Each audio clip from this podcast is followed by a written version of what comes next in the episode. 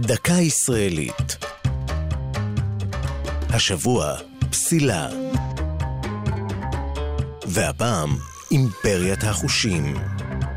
ניסיונות ממסדיים להגביל את חופש היצירה והביטוי אינם תופעה חדשה. פקודת סרטי הראינוע מתקופת המנדט הבריטי הקנתה אז לממשל סמכות לאסור הקרנת סרטים מסוימים. הפקודה קיבלה ביטוי גם במועצה לביקורת סרטים, הפועלת עד ימינו בהרכב של 14 חברים, רובם מתחום המשפט והחינוך, ונציג אחד מתחום הקולנוע. אחד מניסיונות הצנזורה במועצה שעורר סערה היה החלטתה לאסור את הקרנת הסרט היפני-צרפתי אימפריית החושים.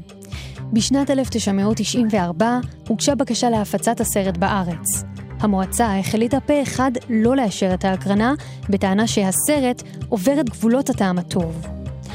הסרט, שזכה להכרה אומנותית רחבה בעולם, כולל קטעי מין ואלימות בוטים.